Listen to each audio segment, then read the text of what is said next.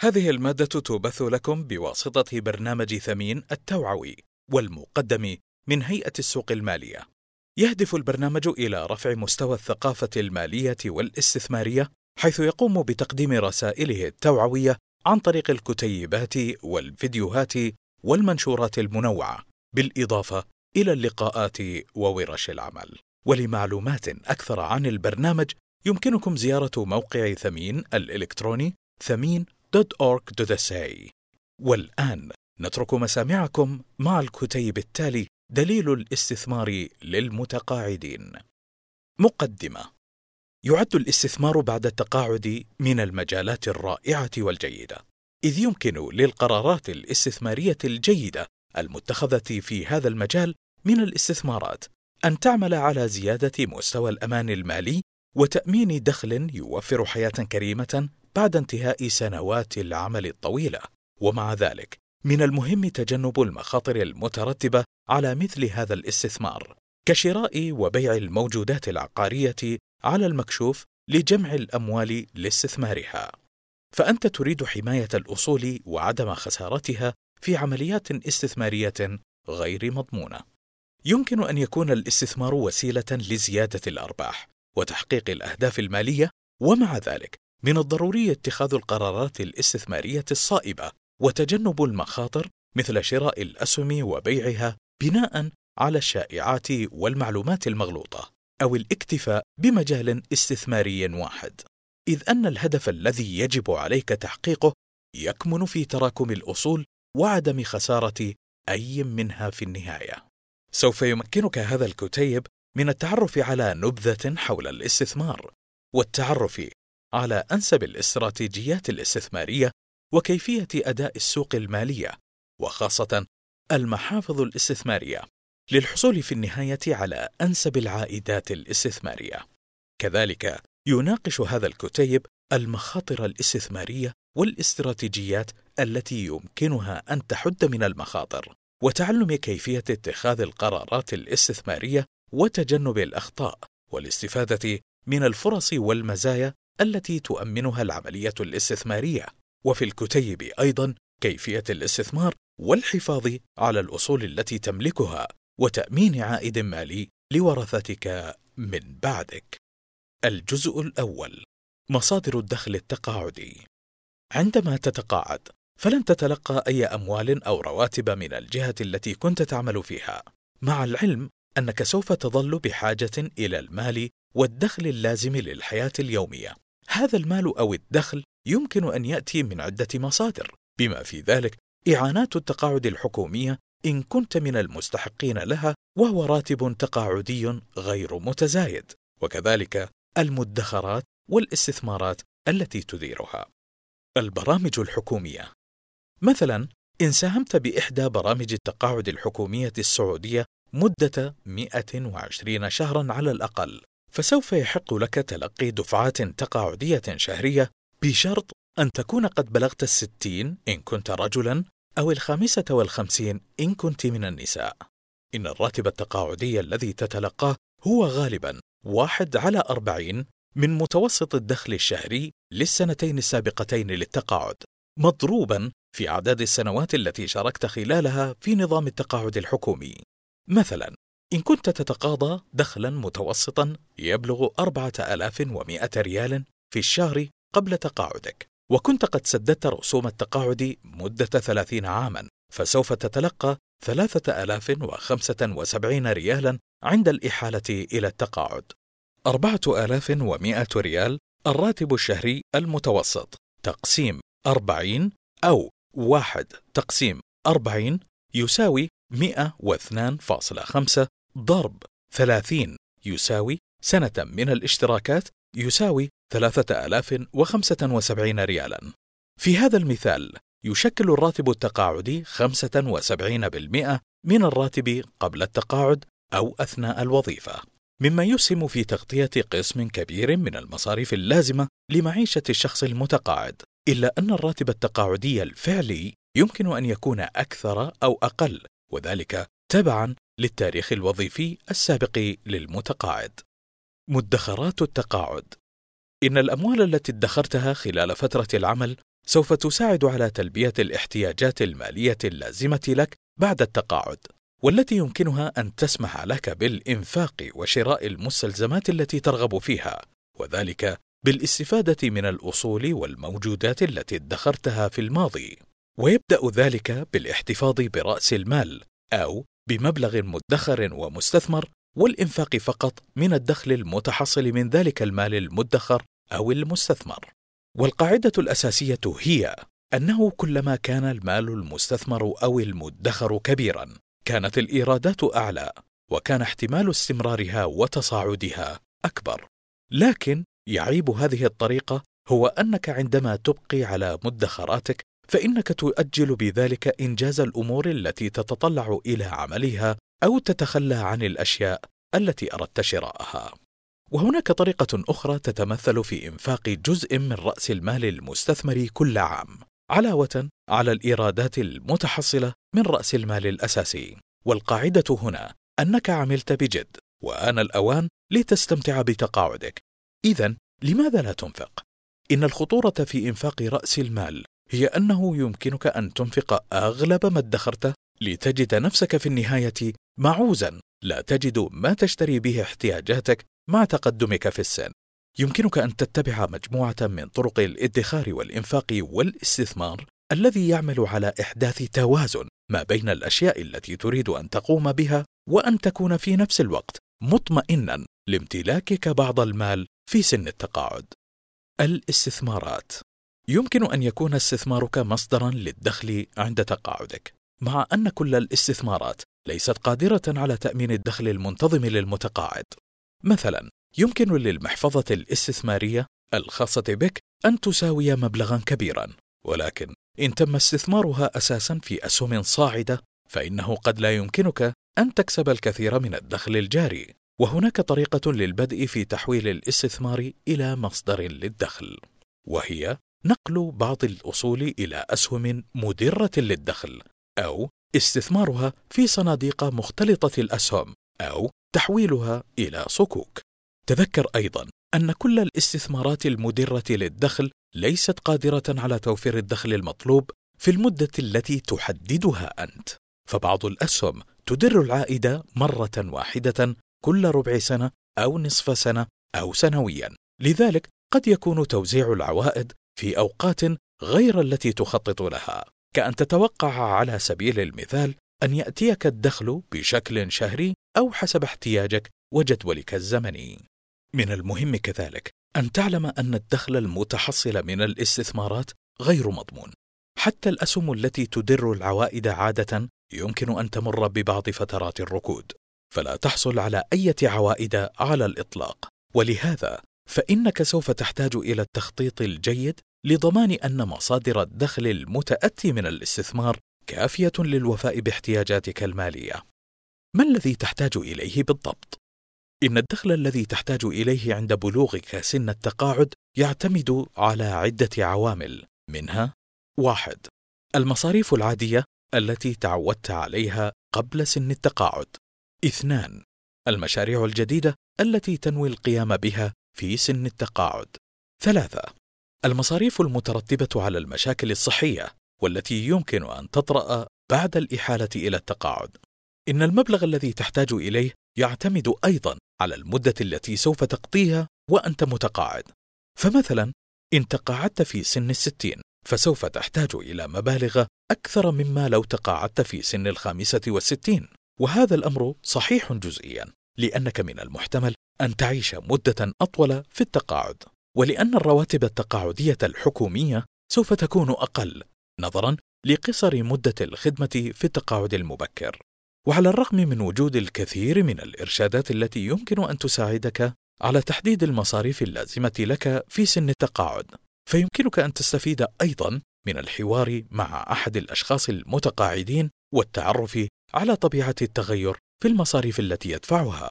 والشخص المؤهل من الناحية المالية يمكنه أن يسدي إليك النصح حول فهم طبيعة الدخل التقاعدي المناسب لك ويساعدك على وضع خطة تدير بها كل حياتك المالية بعد الإحالة إلى التقاعد.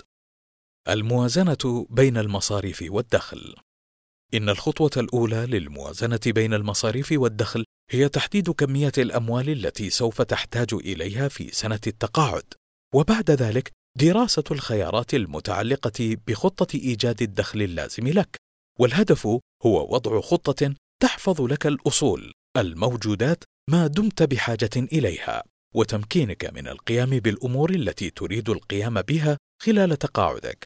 وعلى الرغم من تشابه الهموم والخبرات والتجارب، فعليك أن تعرف أن خطتك لن تكون مشابهة لخطة أي شخص متقاعد آخر، وبمعنى أكثر دقة فإن خطتك سوف تعتمد على ما ادخرته في السابق ومجال استثمار تلك المدخرات وما تود أن تصنعه بتلك المدخرات خلال تقاعدك، وهذا يختلف من شخص لآخر.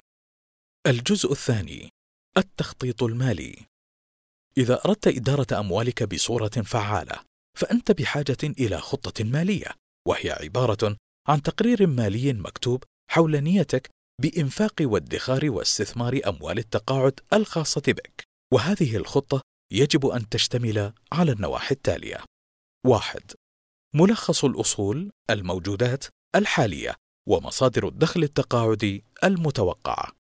اثنان: تقدير المال الكافي لسد احتياجاتك المالية. ثلاثة: تقدير المبلغ المطلوب للوفاء بالمصاريف الطارئة. أربعة: استراتيجية للموازنة ما بين الادخار والاستثمار للتأكد من أن الأموال التي لديك تفي بكل احتياجاتك مع تقادم العمر. خمسة: قائمة بأنواع الاستثمارات التي تناسب خطتك التقاعدية. ستة: قائمة بالأهداف الأولية من وراء خطة التقاعد وجدول زمني لتحقيق تلك الأهداف ومدى التكاليف المترتبة عليها. سبعة: الأصول الموجودات التي ترغب في نقلها إلى ورثتك. إن الخطة المالية وخاصة بالنسبة للمتقاعدين هي عملية مستمرة تتطلب منك تقييم كل النفقات والمدخرات والاستثمارات على أساس منتظم وتعديل الأهداف والأنشطة التي تقوم بها مع كل تغير في وضعك المالي. تعريف الأهداف يمكن أن تكون لديك عدة أهداف مالية عند إحالتك للتقاعد، ويمكن أن تكون بسيطة وآنية مثل الإجازة التي تقرر أخذها العام القادم، أو بعيدة مثل بناء ثروة لورثتك من بعدك. إنما يمكن أن يساعدك هو جمع كل أهدافك وتصنيفها على شكل أولويات، وتقييم التكلفة المترتبة على كل منها، ووضع الإطار الزمني لها بعد ذلك. الأهداف الآتية هي تلك الأهداف التي تتطلع إلى تحقيقها في المدى القصير بعد التقاعد، وللتأكد من أن لديك المال الكافي لتحقيقها، عليك أن تبقي لديك سيولة مالية كافية لإيداعها في حساب ادخار أو حساب استثماري منخفض أو منعدم المخاطر وقابل للاسترداد عند الحاجة، وعدم التصرف فيها بأي حال من الأحوال أو الزج بها في استثمارات غير محسوبة النتائج أو عالية المخاطر. الأهداف المتوسطة هي تلك الأهداف التي تتوقع أن تنجزها خلال السنوات المقبلة كشراء منزل أو التخطيط لاستثمار أو تمويل مشروع، ويمكن لهذه الأهداف أن تنطوي على بعض المخاطر، وخاصة عندما تكون ممتدة لعدة سنوات، ولكن مع تناقص الإطار الزمني المحدد لها، يمكن أن تبدأ ببيع الاستثمارات ذات المخاطر العليا ووضع الأموال الناتجة عنها في حساب مالي مضمون أو استثمارات أقل مخاطرة. الأهداف البعيدة المدى هي تلك الأهداف التي تحتاج إلى وقت طويل لتحقيقها، والتي يمكن أن تتجلى في ترك ميراث للأبناء والأحفاد من بعدك. وللتأكد من أن لديك الأموال التي تحتاج إليها، يمكنك أن تستثمر جزءا من المحفظة التي تديرها في استثمارات يمكن أن تدر عليك عوائد أعلى مع مرور الزمن. تذكر أنك تتقدم في العمر وتحتاج إلى المزيد من المصاريف العلاجية وغيرها من الاحتياجات الطارئة، لذلك عليك أن تتجنب الاستثمارات التي تنطوي على مخاطر كبيرة، والتي يمكن أن تساهم في إضاعة رأس المال كله، ولهذا فمن المهم أن يكون لديك خطة تساعدك على الموازنة ما بين الإنفاق والإدخار والاستثمار لتحقيق الأهداف الآنية والبعيدة الأمد. البحث عن المشورة المالية يلجأ العديد من الناس إلى المشورة المتخصصة المحترفة لوضع خطة استثمارية ومالية سليمة.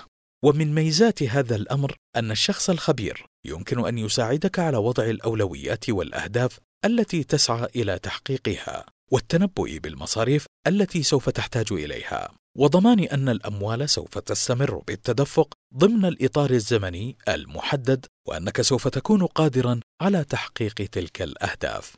من ناحية أخرى، يمكن أن تطلب من بعض الأصدقاء أو العائلة الحصول على عناوين المستشارين الماليين من ذوي الخبرة ومناقشة الاحتياجات المالية مع الشخص القادر على دراستها وتحليلها واتخاذ القرارات وإجراء العمليات الاستثمارية. الجزء الثالث الاستثمار أثناء التقاعد. لماذا نستثمر أثناء فترة التقاعد؟ عند التقاعد يصبح الدخل المتوفر من راتب التقاعد غير متزايد وتتوقف العلاوات والمميزات التي كنت تحصل عليها أثناء فترة الخدمة. وما أن تصل إلى سن التقاعد حتى تبرز أمامك العديد من الأسباب التي تدفعك إلى الحصول على دخل إضافي ومن ثم الاستثمار. إذ أن الدخل المتحصل من المحفظة الاستثمارية التي سوف تضع فيها أموالك كفيل بأن يمدك بالمال اللازم.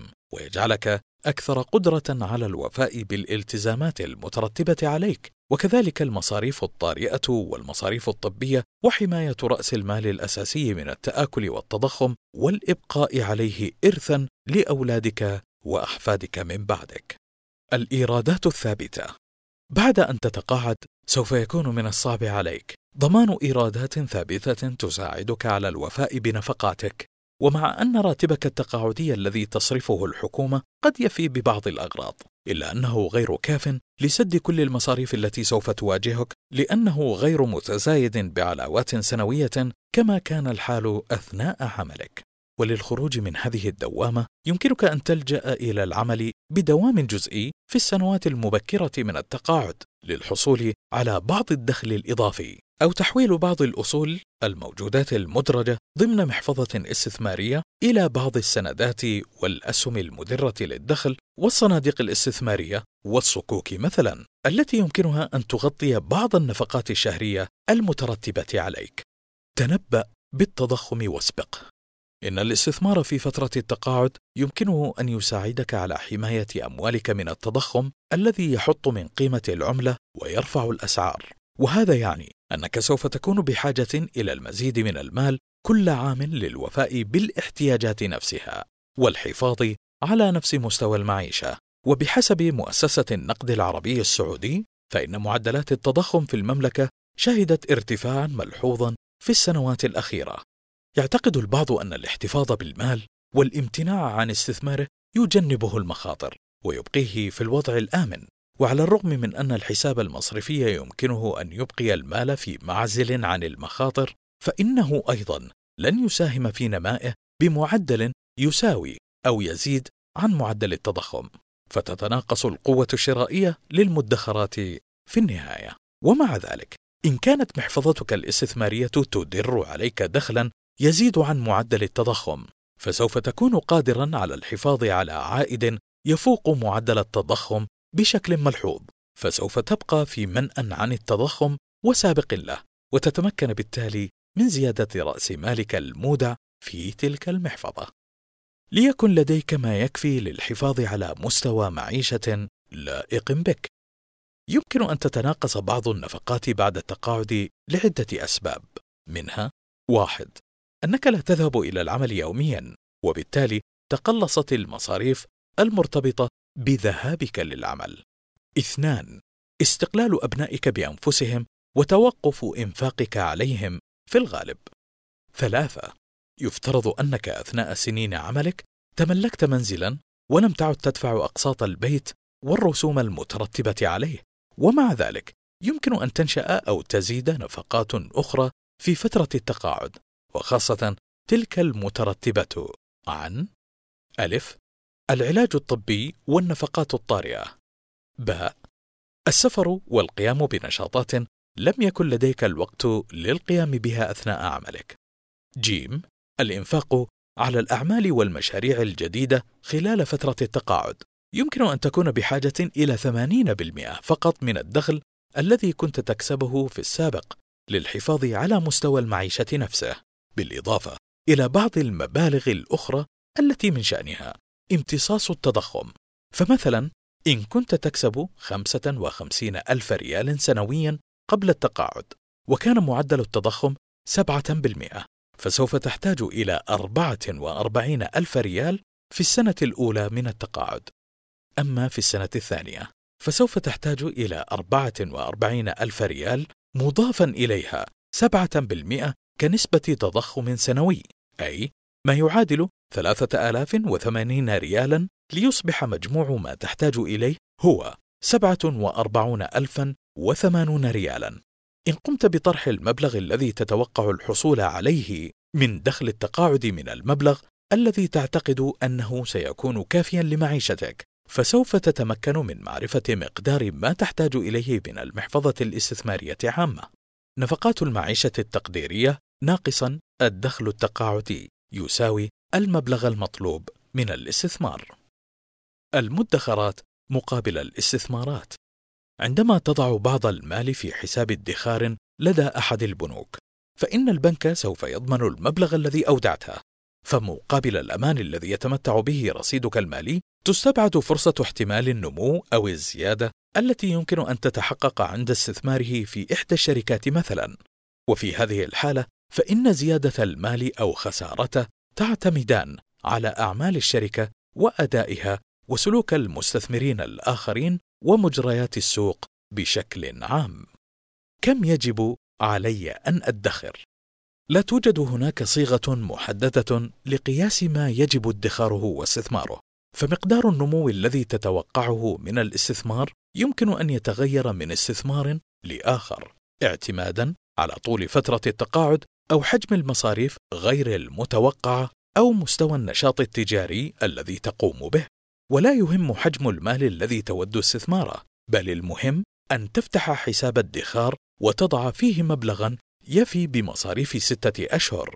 بما في ذلك المصاريف غير المتوقعه وحساب الادخار هذا هو الأنسب لأنه حساب مخصص للأموال السائلة وقابل للسحب منه عندما تحتاج إلى النقد ودون أن يتعرض لأي خسارة في القيمة على عكس الأسهم التي يمكن أن تهبط أسعارها عند بيعها. أما إن كنت تخطط لاستعمال بعض الدخل الاستثماري لتسديد الفواتير المترتبة عليك فعليك أن تبقي مبالغ هذه الفواتير ضمن حساب ادخار جاهز للسحب منه في أي وقت. ما المبلغ الواجب استثماره؟ من الطرق المناسبة والمتبعة لحساب المبلغ الواجب استثماره في قطاع الأسهم طرح عمرك من 100 وبعد ذلك استثمار الفرق في قطاع الأسهم. فمثلا إن كنت في الستين من العمر فعليك أن تستثمر أربعين بالمئة من محفظتك في قطاع الأسهم وذلك طبقا للمعادلة التالية. 100 ناقص. عمرك الحالي بالسنين يساوي نسبة المحفظة الواجب استثمارها في قطاع الأسهم. ولكن إذا قررت أن تتمتع بحياة عصرية وتحقق بعض التطلعات خلال تقاعدك فعليك أن تستثمر نسبة أكبر في قطاع الأسهم وخاصة في السنوات المبكرة من إحالتك للتقاعد. والأمر نفسه ينطبق إذا كان لديك دخل كاف تعيش عليه وتريد الاستمرار في بناء ثروتك الخاصة حيث يمكنك هذا الدخل من استثمار نسبة أكبر من ثروتك. ومن أنسب الطرق التي يمكن أن تتبعها في هذا المجال أن تضع خطة لمدة خمس سنوات تقيم خلالها نجاحك فيما تم تخصيصه من مال للاستثمار خلال تلك المدة. فإن وجدت أنك بحاجة إلى دخل يدعم إنفاقك يمكن أن تسرع عملية تحويل الأصول التي لديك من استثمارات مخصصة للنمو إلى استثمارات مدرة للدخل. ولكن إن وجدت أنك لا تنفق كل دخلك فعند ذلك يمكنك الإبقاء على حساباتك الاستثمارية دون القيام بأي تغييرات طالما أن الدخل الحالي يسد احتياجاتك ومتطلباتك المالية. كيف تتغير المعدلات بسبب تقدم العمر والالتزامات ونمط الحياة؟ بعد أن تكون قد أحدثت تغيرات في نسبة الأموال المخصصة لمحفظتك الاستثمارية مع اقترابك من سن التقاعد فمن الحكمة أن تستمر في إجراء تلك التغييرات مع تقدمك في العمر. فمثلا مبلغ الدخل الذي تحتاج إليه من استثماراتك يمكن أن يكون اعلى في السنوات الباكرة من تقاعدك عندما تكون نشيطا. وبعد ذلك يبدأ بالتناقص مع تقدمك في العمر. وعلى العكس من ذلك فمع تقدم العمر قد تجد أنك بحاجة إلى الكثير من المساعدة في حياتك اليومية. أو ربما تتزايد نفقاتك الصحية. هذه الاحتياجات ستزيد من مبلغ الدخل المتحصل من الاستثمار الذي سوف تحتاج إليه. إن المشكلة تكمن في عدم وجود طريقة محددة لمعرفة طبيعة الاحتياجات المالية المستقبلية.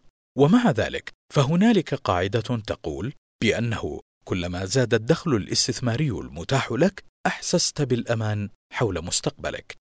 الاستثمار جزء من الخطة المالية للمتقاعد. بمجرد أن تخطط لتعزيز قدرتك المالية فسوف تكون الاستثمارات هي الطريق الأهم لبناء الثروة لك ولورثتك من بعدك. ومن السهولة بمكان تحديد القيمة السوقية لإحدى الأدوات الاستثمارية وتحديد قيمة الثروة التي تملكها. كذلك من السهل تحويل ملكية الأسهم وصناديق الأسهم المشتركة للورثة ولكن الوضع مختلف بالنسبة إلى أنواع أخرى من الملكية. الأسهم الفردية مقابل صناديق الاستثمار في الأسهم.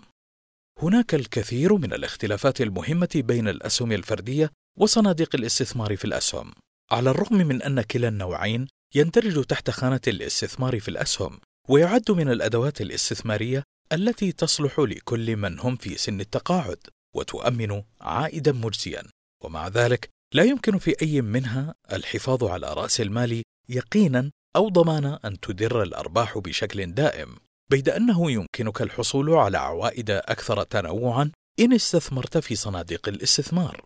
لأن الصناديق قادرة على جمع الكثير من الأموال من عدة مستثمرين وشراء الأسهم أو غيرها من الأدوات الاستثمارية وتعميمها في المحافظ. ولكل من هذه الصناديق هدف استثماري معين يحدد طبيعة الاستثمار. وعلى كل حال إن أردت الاستثمار للحصول على دخل جار يمكن أن يكون الصندوق خيارا مناسبا لهدفك. وعلى العكس يمكنك الحصول على دخل استثماري من الأسهم الفردية لشراء تلك الأسهم التي توفر ذلك النوع من الدخل. هناك فرق آخر يجب التنبه له وهو أن صناديق الاستثمار في الأسهم تتطلب دفع رسوم سنوية تطرح عادة من قيمة الحساب الخاص بك وتختلف هذه الرسوم من صندوق إلى آخر. فبعضها يكتفي باستقطاع رسوم سنوية تسمى رسوما إدارية وبعضها الآخر يستقطع رسوم اشتراك تستقطع مرة واحدة فقط عند دخولك الصندوق. بالإضافة إلى الرسوم الإدارية السنوية. وبالمقارنة فلا توجد رسوم على امتلاك الأسهم. باستثناء الرسوم الأولية التي تفرض عادة على شراء وبيع الأسهم فقط. ويلجأ بعض المستثمرين إلى الجمع بين شراء الأسهم الفردية ووحدات صناديق الاستثمار في الأسهم للاستفادة من ميزات كلا النوعين. فمثلا يقوم هؤلاء المستثمرون بشراء عدة أسهم فردية عائدة لشركات كبيرة ووحدات صناديق استثمارية لتقوم باستثمارها في شركات صغيرة أو في قطاع معين من القطاعات الاقتصادية. الجزء الرابع مخاطر الاستثمار في التقاعد. لا يوجد هناك استثمار خال من المخاطر أو معزول عن العوامل المحيطة به كأداء الشركات والاتجاهات التي تحكم الاقتصاد بشكل عام سواء على المستوى المحلي أو العالمي. ولذلك يساعد فهم تلك العوامل على وضع استراتيجية استثمارية قادرة على حماية الاستثمارات من المخاطر. مخاطر من نوع خاص. عندما تكون متقاعدا فسوف تواجه بالعديد من المخاطر الاستثمارية الإضافية لأنك تستثمر بهدف الحصول على دخل تغطي به احتياجاتك اليومية وليس بناء الثروة. والتغيرات التي تطرأ على قيمة تلك الاستثمارات يمكن أن يكون لها أثر كبير في قدرتك على الحفاظ على مستوى المعيشة الذي اعتدته. خسارة رأس المال.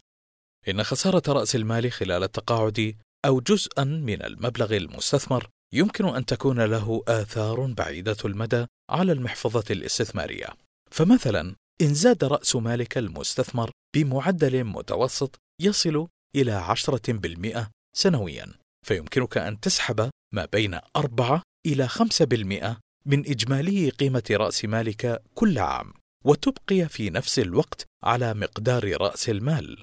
ولكن إن اتخذت أي قرارات استثمارية خاطئة أو لم تدر محفظتك العائد المطلوب على مدى عدة سنوات فسوف تكون مضطرا إلى استعمال جزء من رأس المال المستثمر لتغطية احتياجاتك الاستثمارية.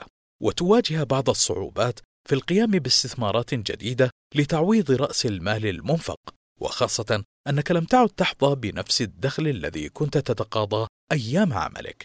وكذلك الأمر ومع تناقص رأس مالك فإن العائد سوف يتناقص أيضا. فإذا استمريت في سحب المبلغ نفسه من رأس مالك المستثمر كل شهر فسوف تقضي على الرصيد المتبقي من رأس مالك. وهذا يعني أنك سوف تفلس في وقت أبكر مما كنت تتوقعه وإن لم يكن أداء محفظتك بالشكل الأمثل فسوف تضطر إلى الهبوط بمستوى معيشتك أو البحث عن وسائل بديلة لتعزيز دخلك.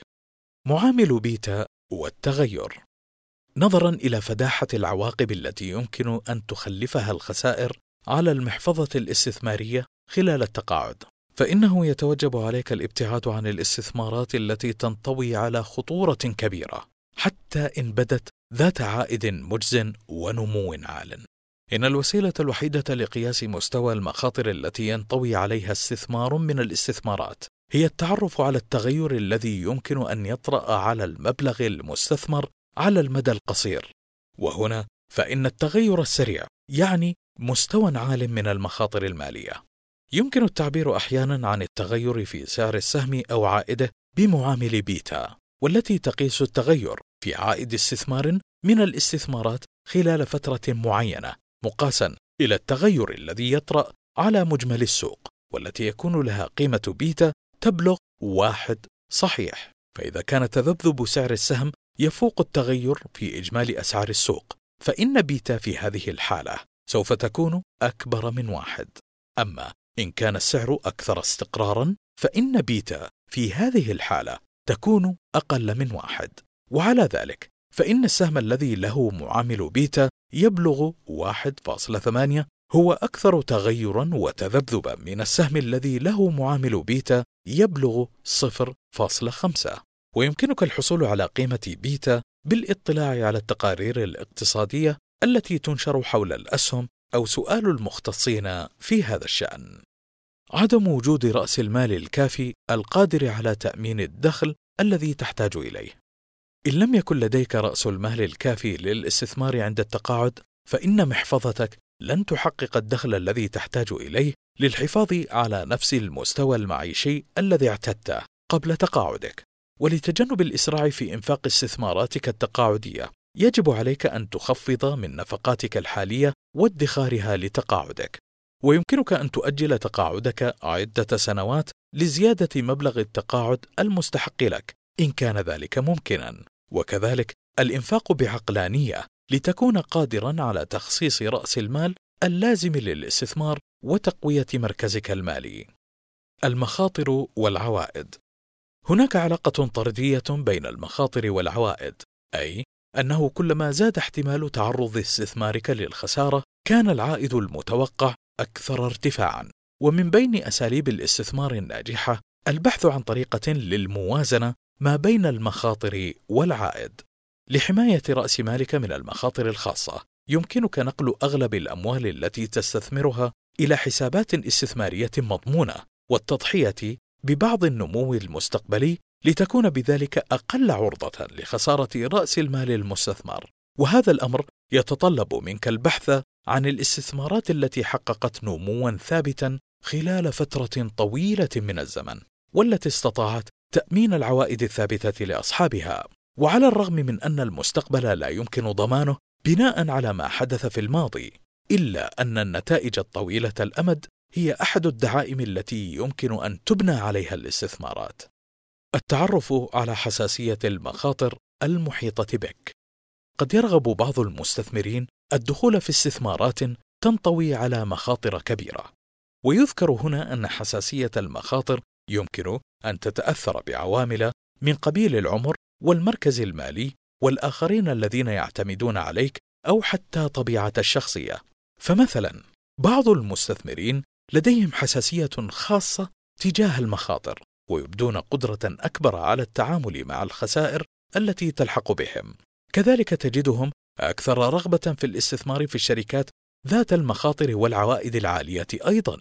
أما المستثمرون المتحفظون فيكونون أكثر ميلا للاستثمارات التي لا تنطوي على مخاطر عالية أو عديمة المخاطر، على الرغم من أنها لا تدر عليهم عوائد عالية. وعندما تتقاعد، فإن حساسيتك تجاه المخاطر سوف تتزايد، وتصبح أكثر ميلا للاتجاه نحو استثمارات أقل مخاطرة، خشية أن يهبط السوق فجأة وتكون في حاجة إلى المال، فتجد نفسك في وضع مختلف عما خططت له، لذلك تنتقل إلى استثمارات أكثر أمانا تحمي بها مدخراتك التي عملت طوال حياتك لتكوينها والحفاظ عليها لخلفك من بعدك. الجزء الخامس الاستثمار التقاعدي عندما تبلغ سن التقاعد فسوف تكون بحاجة إلى إعادة النظر في مخصصاتك المالية لتتناسب مع وضعك المالي الجديد. وتقسيم محفظتك الاستثمارية إلى عدة أنواع من الاستثمارات تسمى فئات الاستثمار مثل الأسهم والسندات والعقارات والسيولة المالية وغيرها وبعض هذه الفئات يمكنه النمو بسهولة أكثر من غيره على الرغم من تعرضها للتغير السريع. في حين أن فئات أخرى أكثر استقرارا من حيث السعر على الرغم من معدلات نموها البطيئة. علاوة على ذلك فإن فئات الاستثمار المختلفة يمكن أن تزيد قيمتها في أوقات مختلفة وتبعا لما يجري في الاقتصاد أجمع. قبل التقاعد يمكنك التركيز على نمو المحفظة التي تملكها. ويمكن أن تنطوي على مستويات عالية من المخاطر لزيادة المدخرات المستقبلية ولكن بعد التقاعد عليك أن تكون أكثر حذرا قبل الدخول في عمليات استثمارية ذات مخاطر كبيرة وأن تحول الاتجاه إلى مصادر دخل أكثر استقرارا.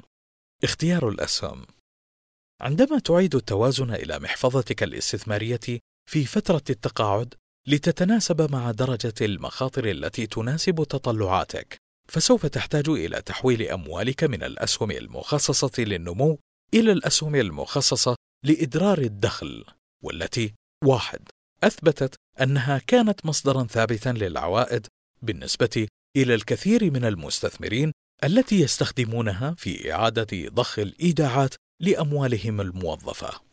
اثنان تنطوي على معدل تغير بطيء ولا تتسم بالتغير الشديد أي أن لها معامل بيتا أقل من واحد صحيح. ثلاثة تنطوي على معدل مخاطرة متدن لتتجنب فقدان رأس مالك المستثمر. أربعة أثبتت أنها ذات إيرادات ثابتة نظرا لاحتمال إدرارها للأرباح في المستقبل. كيف تقيس أداء محفظتك المالية؟ بعد أن تتخذ لنفسك المحفظة المناسبة، من المهم أن تكون حذرا حول طريقة اختيار الاستثمارات والتأكد من أن أداء تلك الاستثمارات قابل للقياس، وأنك قادر على إجراء التعديلات عليها مع تغير حاجاتك المالية طوال سنوات تقاعدك. فمثلا يمكنك أن تقرر بيع سهم ذي معدل مخاطرة أعلى مما توقعته وخاصة إذا تيقنت بأن كامل محفظتك ستتأثر بمعدل مخاطرة أكبر نتيجة لمعدل المخاطرة التي ينطوي عليها ذلك السهم. كذلك من الصواب أن تعيد تقييم كل أنواع الاستثمارات التي تتألف منها محفظتك سويا لإجراء التعديلات الضرورية عليها وعلى طرق توزيع الاستثمارات. العائد الإجمالي عندما تشرع في إعادة تقييم أداء الأسهم الخاصة بك، فإن الخطوة الأولى هي التعرف على العائد الإجمالي لتلك الأسهم، والذي يساوي كامل الإيرادات أو الخسائر بالإضافة إلى أي عوائد أخرى كنت قد حصلت عليها. فإن كان لديك مجموعة مختلفة من الاستثمارات في محفظتك فمن الصعب عليك تقييم أداء تلك الاستثمارات وتقسيم هذا الأداء على الأنواع المختلفة منها ولمقارنة العائد على ضوء الاستثمارات المختلفة يمكنك حساب معدل العائد لكل منها. كذلك يمكنك حساب نسبة العائد عن طريق تقسيم العائد الإجمالي على التكلفة الأولية للاستثمار. فمثلا إن استثمرت ثلاثة آلاف وسبعمائة ريال في سهم ما بعائد إجمالي قدره سبعمائة وخمسون ريالا فإن معدل العائد سوف يكون عشرين بالمئة. وإن استثمرت سبعين ألف ريال في سهم ما يدر عائدا إجماليا قدره ثمانية آلاف وخمسمائة ريال. فإن معدل العائد في هذه الحالة سوف يكون 12%. ويلاحظ هنا أن العائد أعلى في الاستثمار الأقل 3700 عنه في الاستثمار الأعلى 70000 واحد. العائد الإجمالي 750 ريالا.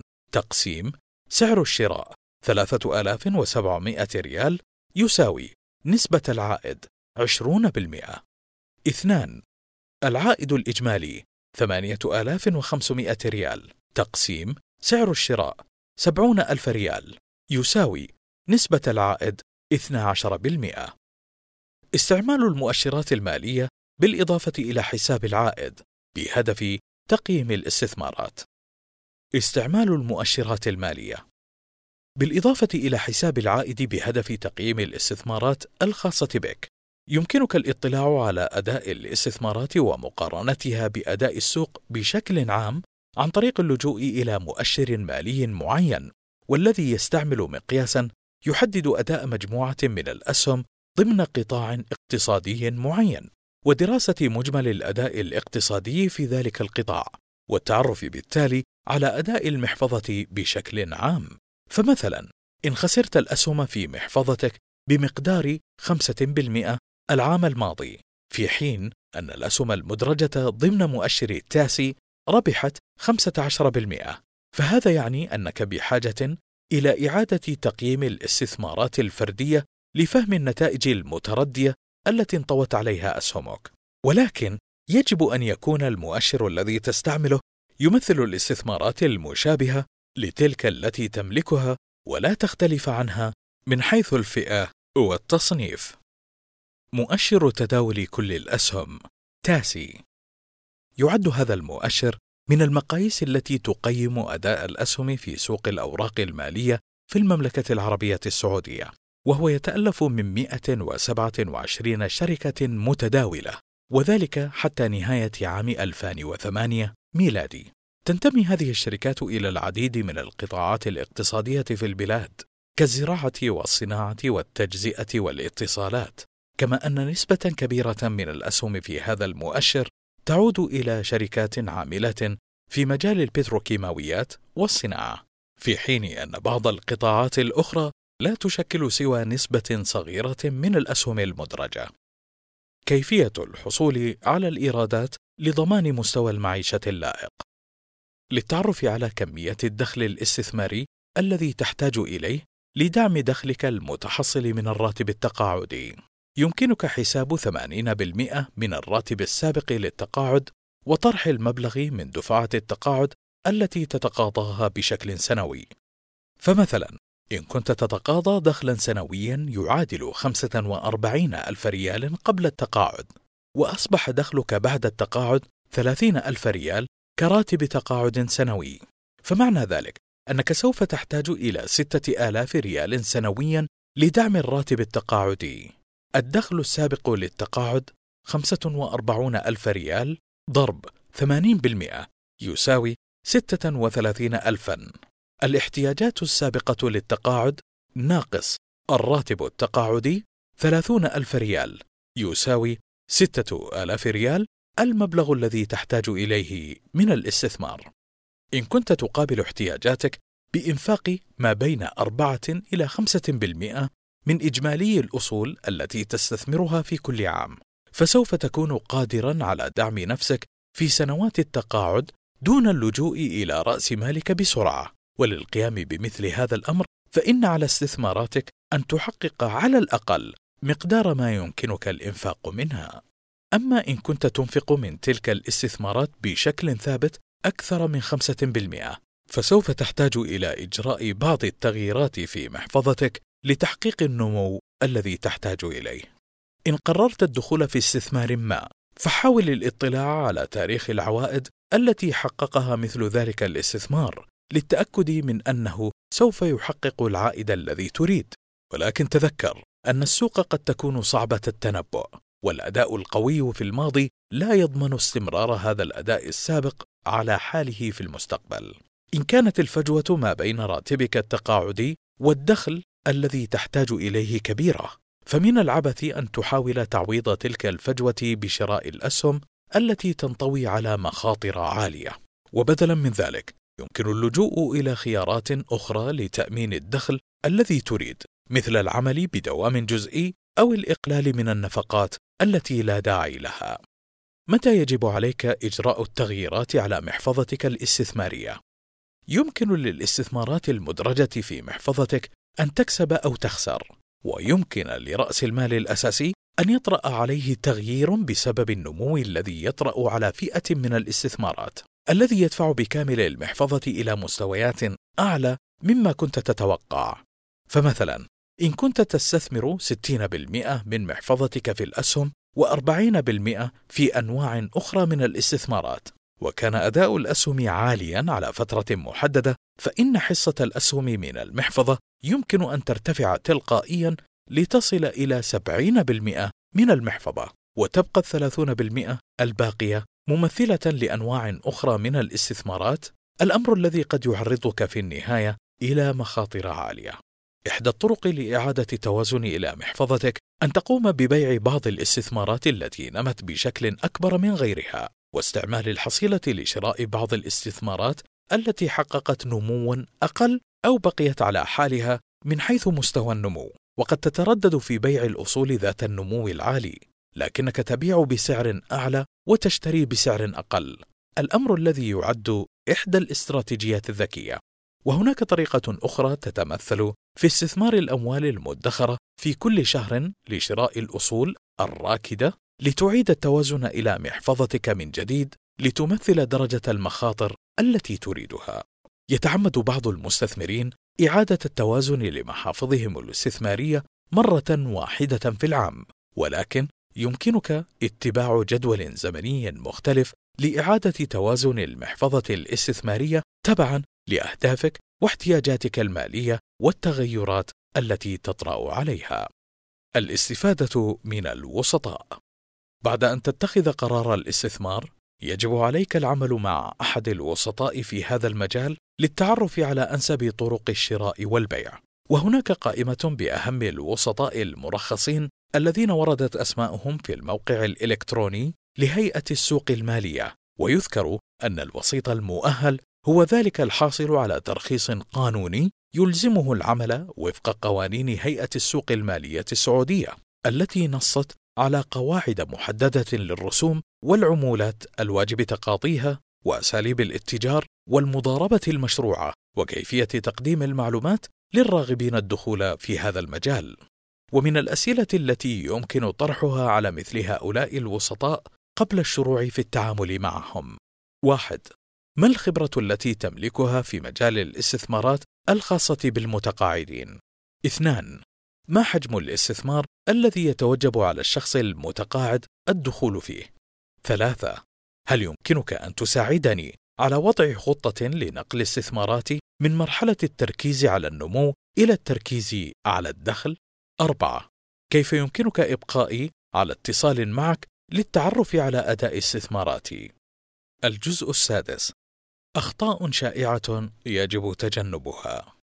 إن الاستثمار يمكن أن يكون أداة قوية تساعدك في الحفاظ على مستوى معيشي مرض خلال سنوات التقاعد، بشرط أن يكون استخدامها مبنيا على قرارات صائبة تقودك في النهاية إلى الربح وليس إلى الخسارة.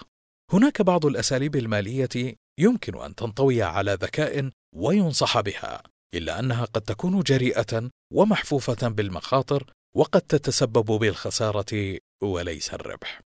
اختيار الأسهم الأقل مخاطرة على الرغم من أن الأسهم ذات المخاطر الأعلى يمكن أن تكون مصدرا كبيرا للربح إلا أن اختيار الاستثمارات التي تنطوي على قدر عال من المخاطرة يمكن أن يكون له عواقب وخيمة وسيصبح من الصعب تعويض رأس المال الذي خسرته لأنك لم تعد في سن العمل ولا تحصل على مداخيل إضافية تمكنك من زيادة استثماراتك لتعويض خسائرك كما أنه لا يوجد لديك الوقت لتحمل الاتجاهات النزولية للسوق والبدء من جديد في الاستثمار الذي يضمن لك المستوى المعيشي اللائق وتعويضك الخسائر التي تحتاجها مباشرة لمصاريفك واحتياجاتك المالية. الإفراط في العمليات المالية على الرغم من ظهور أنواع عديدة وجديدة من الاستثمارات، فإن الإكثار من عمليات البيع والشراء لا يعد من الاستراتيجيات الجيدة. فعلى الرغم من أن بعض الاستثمارات قد تصعد قيمتها أو تهبط على المدى القصير، إلا أنها قد تحقق العائد المطلوب على المدى البعيد، ولهذا السبب فإن عمدت إلى البيع بسرعة فإن فرصة حصولك على العوائد المجزية على المدى الطويل قد تتلاشى، وسوف ترى أن السعر يهبط إلى مستويات تقل عما اشتريت به، علاوة على أنك ستضطر إلى دفع الرسوم المترتبة على كل عملية شراء وبيع، مما يساهم في تآكل الإيرادات التي تحققها أو حتى تسجيل خسائر في رأس مالك المستثمر. بيع الأصول لتأمين المال اللازم للاستثمار. مهما كانت الفرص التي تلوح لك، فليس من الذكاء المبادرة إلى بيع ما لديك لتأمين المال اللازم لاستثمار جديد، لأنك بذلك قد تخسر مصدر الدخل إن أخفق الاستثمار الذي أنت مقبل عليه. وكذلك الأمر في حالة مبادلة الأصول التي بحوزتك والتي تنطوي على مخاطر قليلة وتعد من الأرصدة التي يمكن الاعتماد عليها بسهم ذي معدل نمو ومخاطرة عالية ويمكن أن يطيح بكل ما لديك ويعرض محفظتك الاستثمارية للتآكل. خطر الاقتراض على المكشوف بهدف الاستثمار.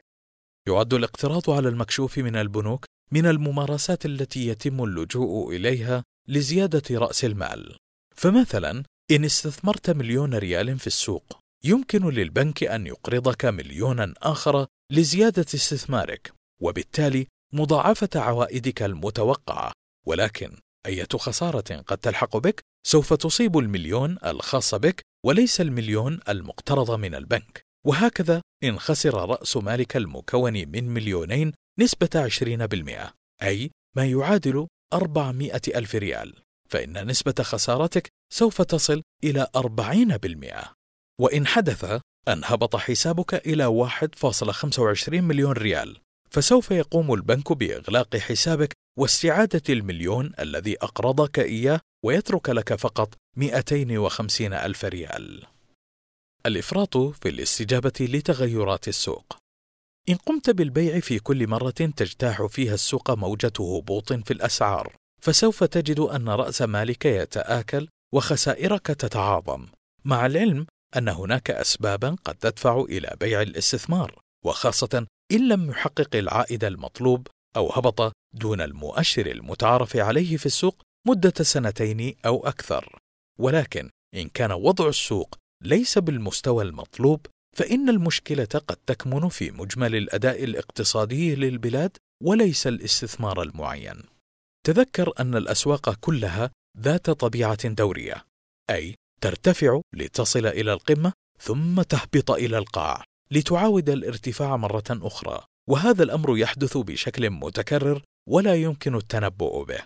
إن كانت الأسس التي تقوم عليها شركة من الشركات متينة ولديها إدارة جيدة ومنتجات وخدمات يمكن الاعتماد عليها وتعطي عوائد من خلال توزيع الأرباح فإن بيع سهم هذه الشركة في حالة ركود السوق قد يكون خطأ كبيرا وعلى العكس من ذلك فإن كان لديك المال فبادر إلى شراء أسهم تلك الشركة.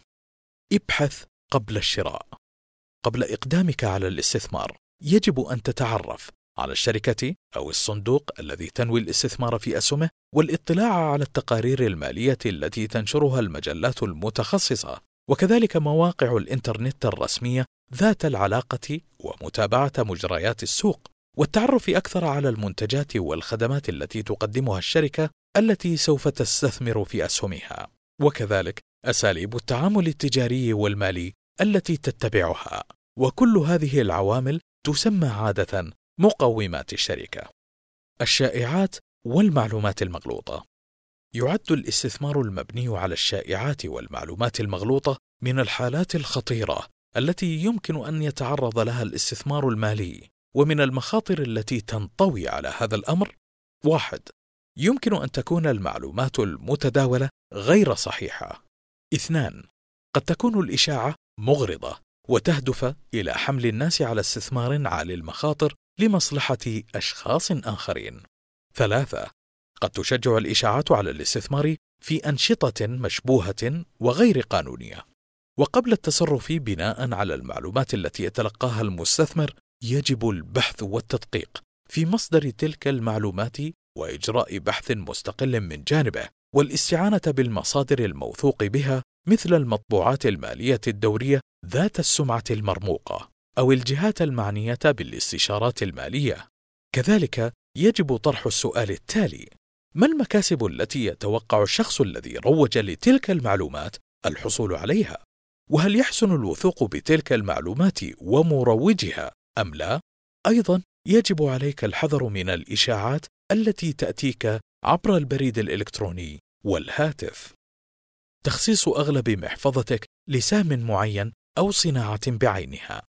على الرغم من أن الاستثمار في نوع معين من الأسهم أو الصناعات قد يبدو جذابا فإن وضع بيضك في سلة واحدة ليست بالفكرة الصائبة. لاحتمال تعرضها للخسارة دفعة واحدة على الرغم من القوة التي قد تبدو عليها تلك الأسهم أو الصناعة. فإن بعت ايا من استثماراتك الأخرى لشراء أسهم ثم اتضح أنها خيار سيء فيمكن أن ينتهي بك الحال إلى خسارة كل شيء. وكذلك الأمر فإن توظيف الأموال المودعة في حساب احتياطي الطوارئ أو استعمال الأموال المخصصة لتلبية احتياجاتك اليومية في شراء الأسهم أمر ينطوي على أخطاء مالية كبيرة لأنك تعرض حساباتك التي تدخرها لتلبية احتياجاتك اليومية والطارئة لمخاطر لم يكن مخططا لها. الاقتراض للاستثمار. عندما تعثر على استثمار تعتقد أنه قد يدر عليك العائد المجزي فربما يكون من المغري أن تبادر إلى أقرب بنك أو صديق للاقتراض منه. ولكن إن حدث وتعثر مثل هذا الاستثمار فسوف تكون معرضا لخسارة مالك والمال المقترض. ولهذا من الذكاء استثمار ما بحوزتك من مال فقط دون اللجوء إلى الاقتراض من الآخرين. إلى هنا نصل إلى نهاية الكتيب. للمزيد من الكتيبات يرجى زيارة موقع ثمين الإلكتروني ثمين.org.sa